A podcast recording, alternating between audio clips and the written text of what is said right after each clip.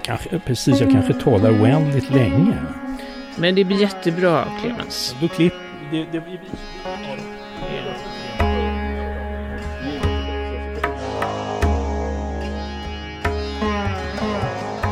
Och vi hörlurar på... Vi hör, ja, Varför låter din röst, Clemens, så lugn och mysig och min låter... det, det, det är mina tranquilizers som jag, jag tog, som Kristina Lugn tog en sömntablett innan. Betablockerare innan faktiskt. Mm, jag Han det blir så så. väldigt nervös. Men jag, jag har bara tagit kaffe. Det är bra. Det blir bra. Jag är ett gammalt vrak också. Rosslar och hostar. Och...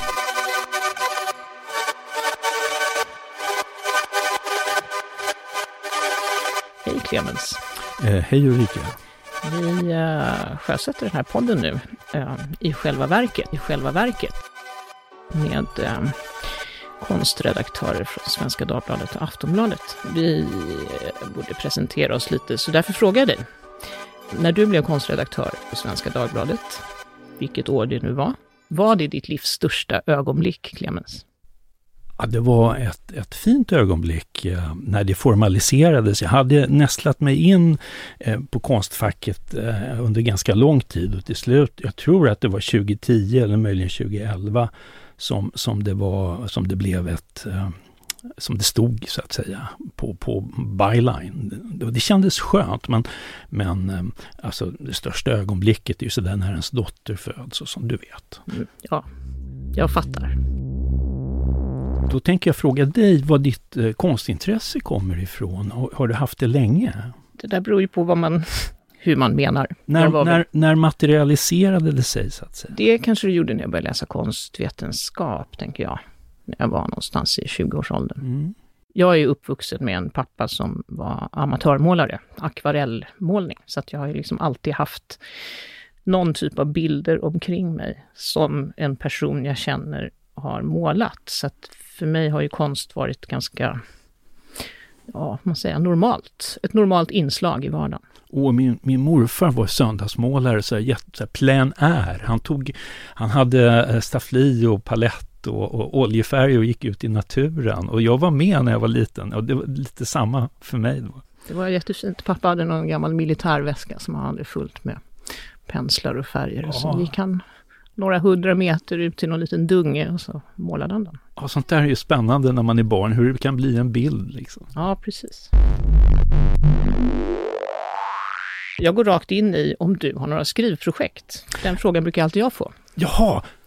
Och, och, Utanför dagstidning. Ja, jag har det. Jag håller på att trassla med, med någon sorts eh, bok som så många journalister gör. Och, och, och det är ju inte konst då, utan det är så lite självbiografiskt. Och, eh, min pappa är med och det finns ju så många sådana böcker. Så, och det, han var med i andra världskriget och det handlar lite om det. Och sådana där böcker går det ju tolv på dussinet numera. Så jag är lite tveksam till om det någonsin blir något och då får jag hitta på ett nytt projekt. Okej.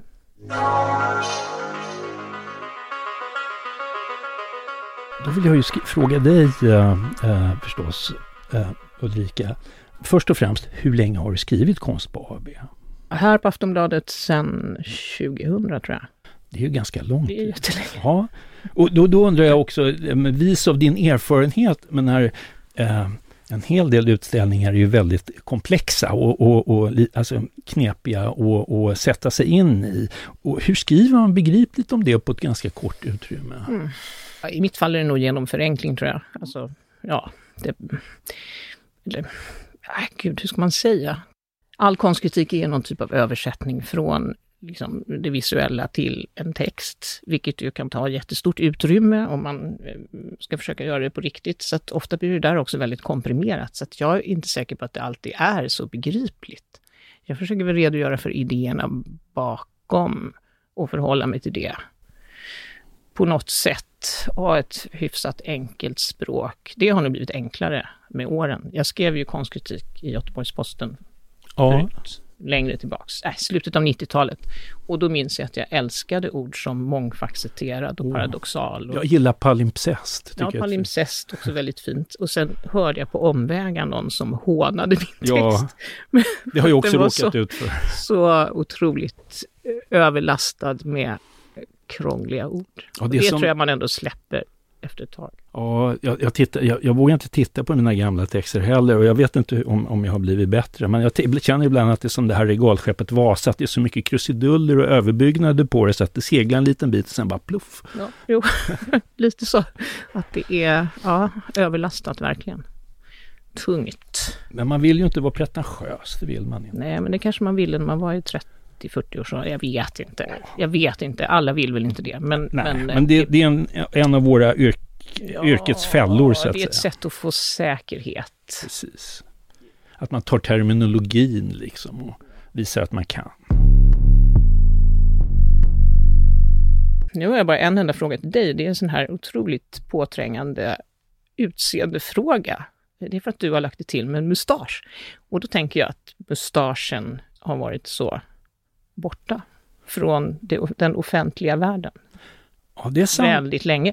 Men är den på väg tillbaks? Kommer den slå ut hipsterskägget? Jag tänker att det har varit så mycket hipsterskägg så väldigt länge så att mustaschen är liksom, uh, tycker jag mig se att det finns en, en, en liten renässans i alla fall. Och sen, sen är den ju uh, så här ett, ett verktyg i den manliga utseendelådan som man kan leka med. Uh, och jag brukar tänka att det, eh, ibland att det ska synas sådär när man eh, går på gallerier eller utställningar utomlands eller så, att man jobbar med kultur. Och då brukar jag tänka så här att jag kör mustaschen och så har jag brillorna då som ska hjälpa mig att göra jobbet. Så, Mm, lite förstår. maskerad. Ja, okej.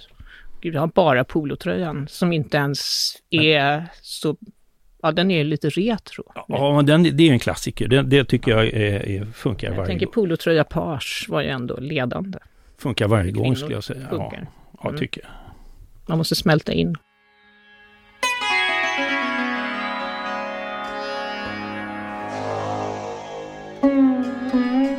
Jag har, jag har lite, varit ute lite på, på och sett några utställningar, eller det gör jag ju jämt, men jag har sett några utställningar ganska nyligen. Så, jag- så jag vet, jag har, jag har kollat in en som kommer då, som eh, har precis har öppnat kan man säga.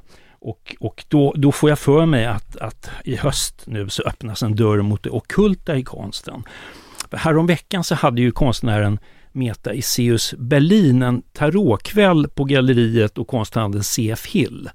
Och med sig hade hon egenhändigt målad tarotkortlek och hon var inne på tarot redan på sin senaste utställning på Valdemars udde. Och då tänker tarot är, det har jag sett lite runt omkring mig ehm, och också i, i så att säga ehm, mer eller mindre seriöst eh, i veckopress och annat och att, att det finns ett intresse eh, för det. Och, och jag tycker det är ett tecken i tiden. Och sen såg jag Eh, det finns en, en, en kryptan på Franska Reformerta kyrkan på Humlegårdsgatan har förvandlats till ett galleri, knackat fram lite tegel i valven där.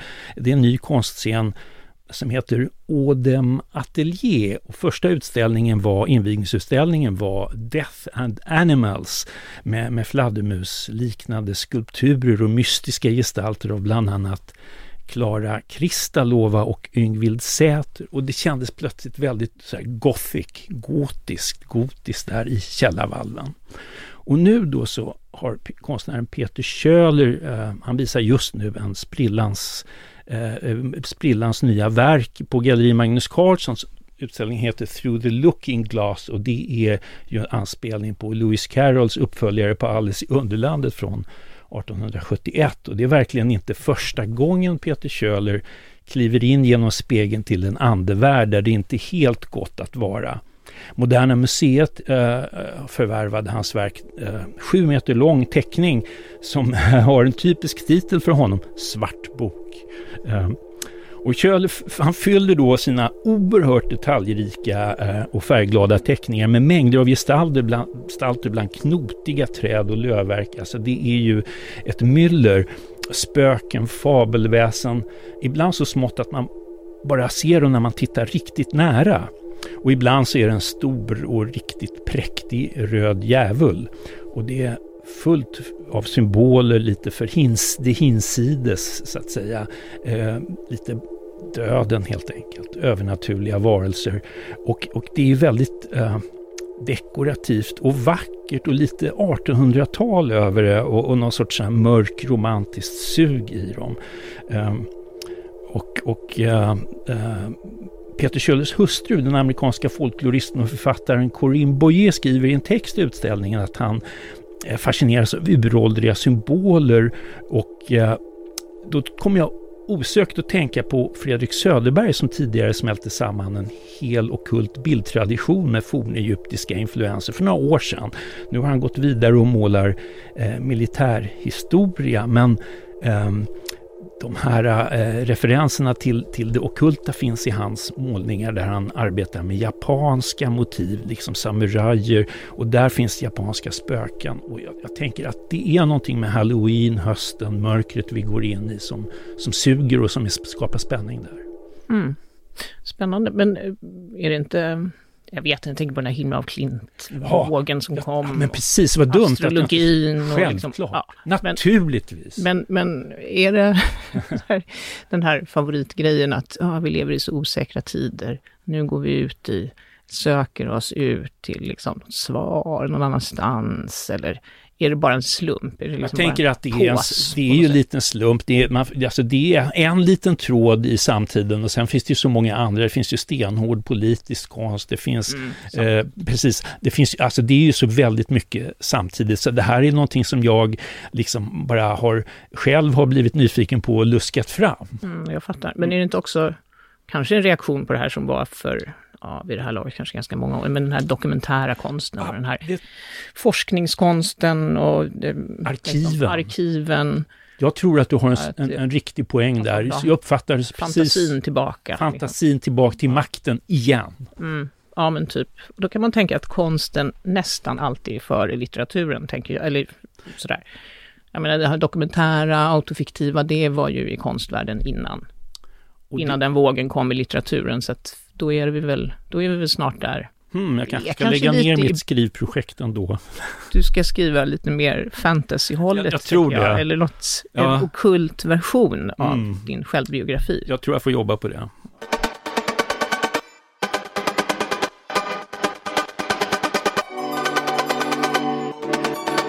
Jag tar en paus nu för en liten bildgåta till dig som eh, vi har tänkt att vi ska ha som ett litet inslag. Då beskriver jag nu ett foto. Oj. Väldigt, alltså jag gör det lätt för mig för jag beskriver ett foto som är en text.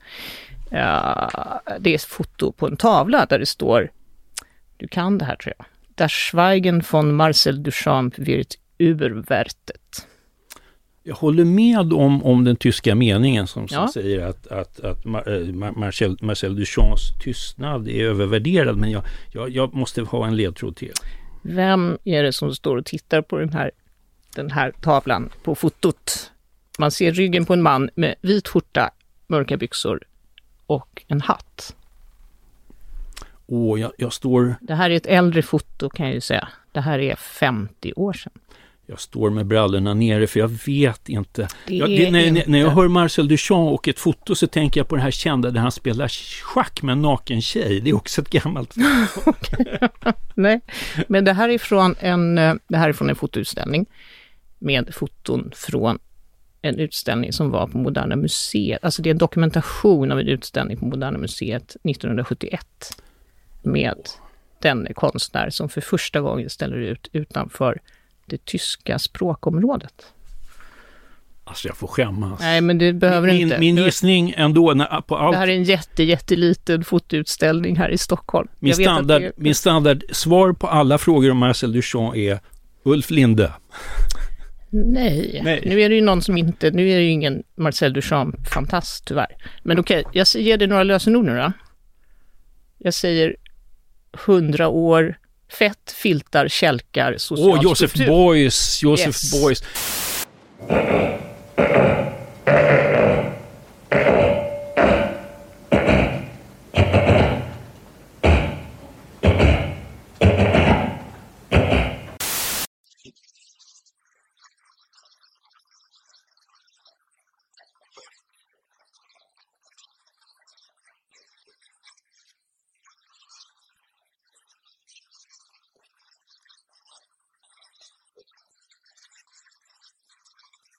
Jag, jag, jag, jag klarar mig på sista eh, ja, snubbeltråden. Det var ju inte så.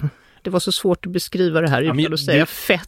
Ja, och filtar. Ja, och, och precis. Det var ju väldigt skön, eh, roligt att han skrev så på, på, på Ja, det var väldigt... Det var det enda som liksom gick och... Ja, det är en fotoutställning på Goethe-institutet i alla fall här i. Den är som sagt då inte någon jätteutställning, men jag tyckte det var fint att få uppmärksamma denne Boys. Just det, han fyllde ju 100 eh, här om året precis. Nu i år tror jag, eller i våras kanske. Jag tror att det var nu. Du har rätt, du har rätt. Jag tror och det det. har varit, jag har, Tiden går väldigt vet du vad, jag har en nyutgiven uh, tjock biografi på tyska som jag inte har läst än. Okej. Men den kommer, jag kommer läsa den när han fyller 105. Ja, det finns säkert något annat jubileum. Men Joseph Beuys är faktiskt en av, jag såg att du eventuellt hade tänkt fråga mig om konstupplevelser. Jag kan säga att jag är inte bra på Boys, sådär. jag har inte sett jättemycket av honom. Det finns ju någon fast utställning på Hamburger Bahnhof i Berlin, en ganska stor sån här. Eh, Men jag var i, jag tror det måste ha varit Darmstadt. Där hade de ett, alltså en hel våning Boys. Det här är ganska länge sedan jag var där. Men, men då fick jag nog faktiskt en sån här liksom fysisk upplevelse av det här rummet. För det, man kan, jag kan skratta lite åt hans, de här, att det var så monomant, liksom, hans konstprojekt. Men det, ja, det är intagande faktiskt också. Det, Ja. fin, det finns något där. Ja, det är något där.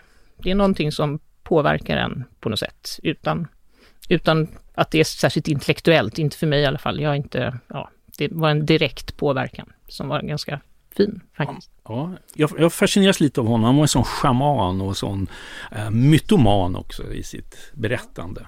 Men jag är glad, glad också att du säger boys och inte böjs, för vi har diskuterat det där uttalet, jag och lite olika besserwisser-människor på Sveriges Radio. Men, Jag tänker att en fransos kan få säga böjs. mm, kanske, men jag tänker att det ändå är boys. Ja, det är boys. Hur som helst.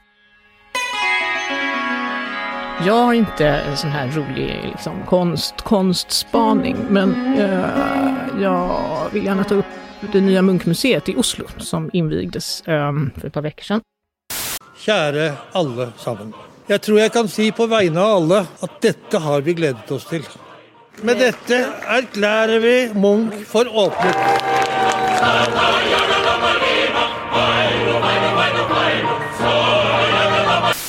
Det har ju varit på gång väldigt länge, som den här typen av märkesbyggnader är. Eh, det har varit mycket diskussioner fram och tillbaks, folk har varit missnöjda. Det är en stor, stor liksom blaffa i, där i Oslo Waterfront. Alltså det är nästan så att det skuggar det här vackra operahuset. På bilden i alla fall så ser det väldigt, det är så mörkt och konstigt och så har det någon sorts lambda-form. Liksom. Den, ja, det är en hög byggnad som liksom kröker sig på toppen på ett då exteriört ganska fult sätt, men inne i huset kanske man tycker att det är jättehärligt. Det vet jag inte. Men eh, eh, de var i alla fall tvungna att bygga ett nytt museum därför att det gamla var för litet, sades det väl, för dålig säkerhet. Munk hade ju också donerat 26 000 konstverk och personliga objekt till Oslo stad, så att någonstans ska ju allt det där förvaras och kunna visas. Eh, grejen med Munkmuseet är väl mest, det är så mycket oljepengar, både de statliga pengarna och sponsorerna. De sponsras ju av eh, Aker BP och eh, japanskt oljebolag som har sitt dotterbolag då i Norge, antar jag, som är, de är huvudsponsorer. Och det här har ju då såklart kritiserats att det är oljebolagens eh, greenwashing som pågår i, för att man ska liksom mm, donera lite fina kulturpengar för att eh, visa att man är ändå en humanistisk, normal verksamhet som man håller på med. Um, museet har alltså kostat ofattbara 2,7 miljarder norska kronor. Um, och det tänker jag, om man ställer i relation till hur utskällt Liljevalchs tillbyggnad blev, så är det ju så, ja, det är en helt annan skala på det här projektet. Det är så extremt stort. I Svenska Dagbladet skrev ju Elisabeth Andersson bra om det här med sponset och liksom de här smutsiga pengarna på något sätt.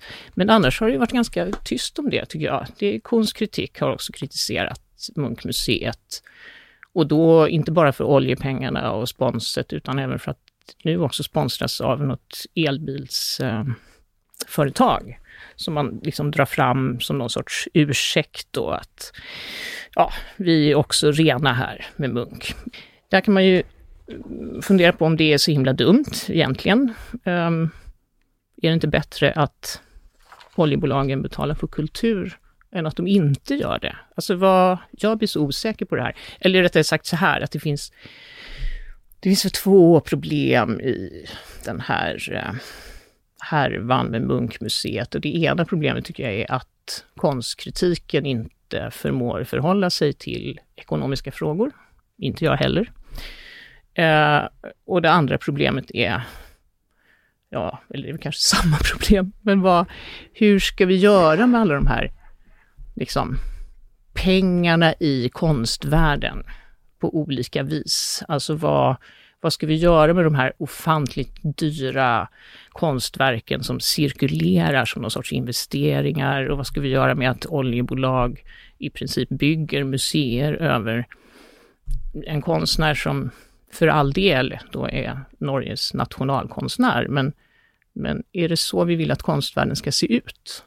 Vill man inte ha någonting annat? Eller förstår du vad jag menar? Jag blir liksom, jag blir frustrerad av detta. Ja, jag förstår vad du menar. Jag tänker på det där också, lite om varför vi konstkritiker inte skriver om sånt. Och det är för att det är så väldigt komplexa strukturer och det är naturligtvis svårt att, att se och leda i bevis var pengarna kommer ifrån. Som auktionsbranschen är ju en av de sista eh, ganska oreglerade businessarna där, där, där det finns en anonymitet och hemlighet och där det finns, där, där ibland sådana här fantasipriser eh, väcker frågor om, om vad, vad, vad, som ligger bakom egentligen.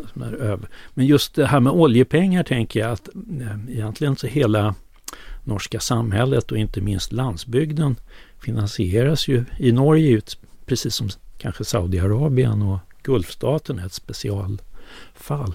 Eh, men, men, men det är en intressant fråga och jag tänker på det här äh, Munkmuseet, det är, det är ju national branding på hög nivå, nationellt varumärkesbyggande, så att jag tänker så här att det får kosta precis hur mycket som helst. Jag läste någon kommentar att det, ja, det är absolut branding och även den här, alla byggnader där ute. Ja, hela, hela faderullan där vid ja, vattnet. precis. Men att det är så himla otidsenligt nu när liksom, nu ska det vara hållbart byggande, mycket trä och liksom, och de, det här, allting tar ju så himla lång tid, så ja. när det här planerades, då var det väl liksom helt rätt. Och nu är det lite så här, nästan lite skämmigt att man öppnar den här enorma sjukt stora museet. Jag läste också Elisabeth... Flera fotbollsplaner är det ju liksom där inne. Men, ja. ja, jag läste ju också Elisabeth Anderssons text som refererar till när det var, när det var, för det var ju kring 2000 och strax efteråt som man mm. ville bygga sån här Guggenheim Bilbao i varenda eh, större stad för att sätta den på kartan så att ja, säga. Och, det, och de här långsiktiga projekten, tiden har sprungit iväg, modet har ändrats. Mm. Eh. Ja, förut kunde man skratta lite grann åt att alla skulle ha en biennal som det var en biennal. Det är ändå lite mer flyktigt. Det kan man ju ha ett par år och sen kan man ju strunta i det. Men de här byggnaderna är ju störigare på något ja, sätt. Ja, de, det blir ju landmärken. Ja, ja, det där är verkligen ett landmärke, den här det, lambda. Ja, och flyg, flygplatser samma sak. Stora fina flygplatser. Ja. Som i Sälen, eller något sånt. Men det känns ju, ja, just nu också när hela klimat Munkmuseet öppnade ju typ en vecka innan klimatmötet i Glasgow Exakt. inleddes, så att det känns väldigt osynk. Det, det, är en fråga om timing där ja. Mycket. Ja, ja, ja, alltså 26 000 verk låter, det är en ofattbar produktion, men det finns ju några pärlor där som... som jo, det är ja. klart det gör. De kommer ju visa även andra konstnärer. Nu visar de ju Tracy Emin. Mm. Ja, en, en samtids, ett samtidsalibi. Ja, precis. Nej, det är väl klart att jag någon gång kommer vilja åka dit. Alltså jag, ja. ja jag med. Det är inte så att jag hatar Munkmuseet. Men... Nej, nej, det, det, det, det, kändes inte heller så. Men det väcker frågor, helt klart. Mm. Ja, och frågor om oss. Ja. Vad vi gör. Vi igen. kommer tillbaks till det, tänker jag, med våran, våran bransch här, konstkritiken, i typ nästa avsnitt. Vad säger du? Det gör vi. Vi kommer, vi ältar ja. vårt gebit, helt enkelt. Så vi rundar av här då. Absolut. Bra. Tack Ulrika. Ja, tack Clemens.